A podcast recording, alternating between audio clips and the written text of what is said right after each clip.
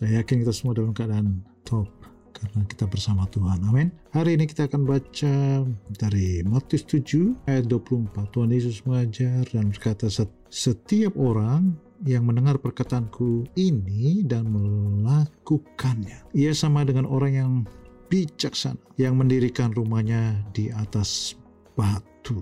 Jadi Tuhan berkata di sini orang yang bijaksana dan ada orang yang bodoh. Yang bijaksana membangun rumahnya di atas batu, yang bodoh membangun rumahnya di atas pasir.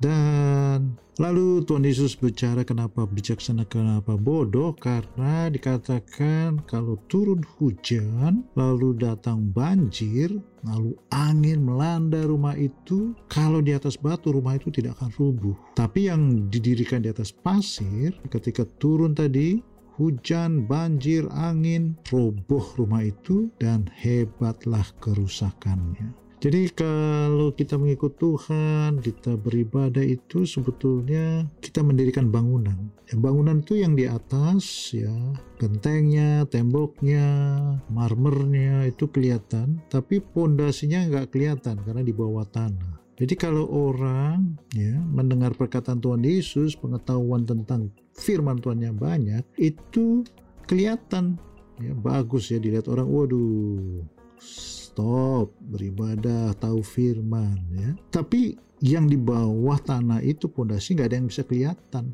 ya. Orang tidak mungkin gali-gali ya mau lihat pondasinya kayak apa sih ya kan. Kalau orang datang ke rumah seorang yang lain yang dilihat hanya yang bagian atas. Ketika seseorang juga berbicara dengan uh, orang Kristen orang yang murid Tuhan Yesus itu yang kelihatan hanyalah yang di atas yang bertemu langsung, berbicara, lalu berdiskusi. Tapi siapa yang tahu fondasi imannya? Tidak kelihatan. Firman Tuhan katakan ya, orang yang melakukan firman Tuhan itu itu orang yang bijaksana. Jadi kira-kira kalau membangun di atas batu dengan membangun di atas pasir, mana yang lebih gampang, mana yang lebih mahal. Orang yang membangun di atas pasir lebih mudah, lebih cepat, dan lebih murah.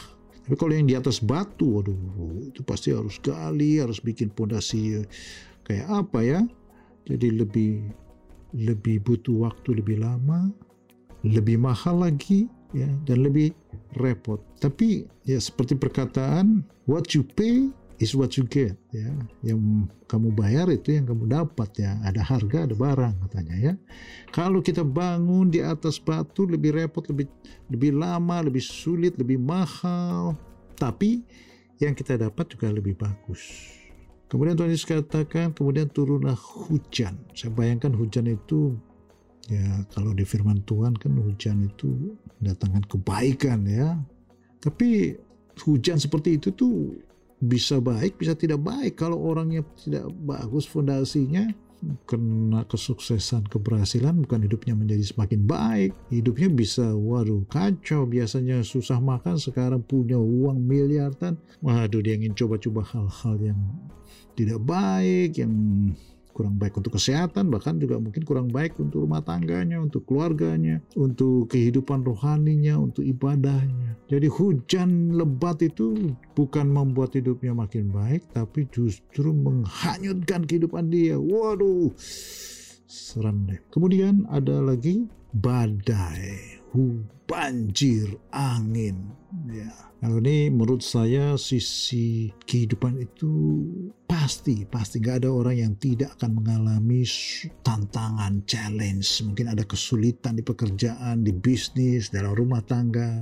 Nah itu seperti angin ya, seperti banjir yang bisa melanda semua orang. Kalau fondasinya nggak kuat, kena angin, kena banjir, habis itu rumah. Tapi kalau yang fondasinya kuat, rumah yang di atas batu tadi, kena banjir, kena angin, dia tidak bergerak. Walaupun didorong, dia tidak bergerak. Tidak hanyut, tidak hancur rumahnya.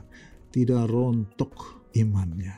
Demikian pula, kena hujan, keberhasilan, sukses, segala kebaikan tidak akan merubah, tidak akan menghancurkan imannya. Dan Tuhan Yesus katakan, kalau mau bangun di atas batu, itu melakukan firman Tuhan. Jadi kita sama-sama bisa mendengarkan khotbah, baca Alkitab, kita dapat pengertian-pengertian yang baru, good, good, bagus. Tapi kalau tidak melakukannya, ya tidak ada artinya. Misalnya firman Tuhan yang sederhana aja katakan, bersuka jelas senantiasa.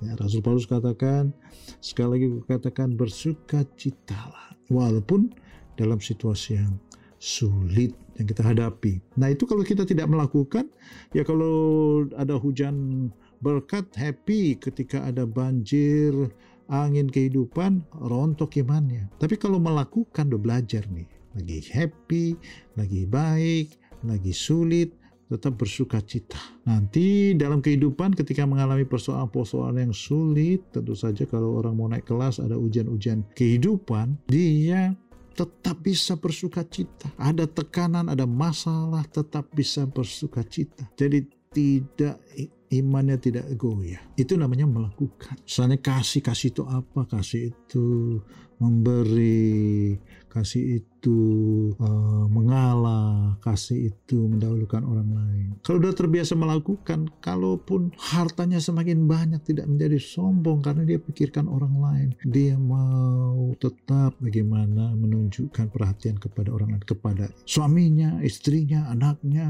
orang tuanya. Jadi kehidupannya tidak berubah, imannya tetap terjaga, damai sejahtera, sukacita, hubungan-hubungan tetap terjaga. Sebaliknya kalau tidak melakukan itu seperti yang saya ceritakan di depan ketika harta makin banyak makin sombong tidak ada waktu lagi untuk orang-orang terdekat menggunakan uang itu untuk foya-foya untuk kenikmatan-kenikmatan akibatnya goncang goyah hanyut ya. Jadi jangan lupa dengar firman Tuhan bagus melakukannya.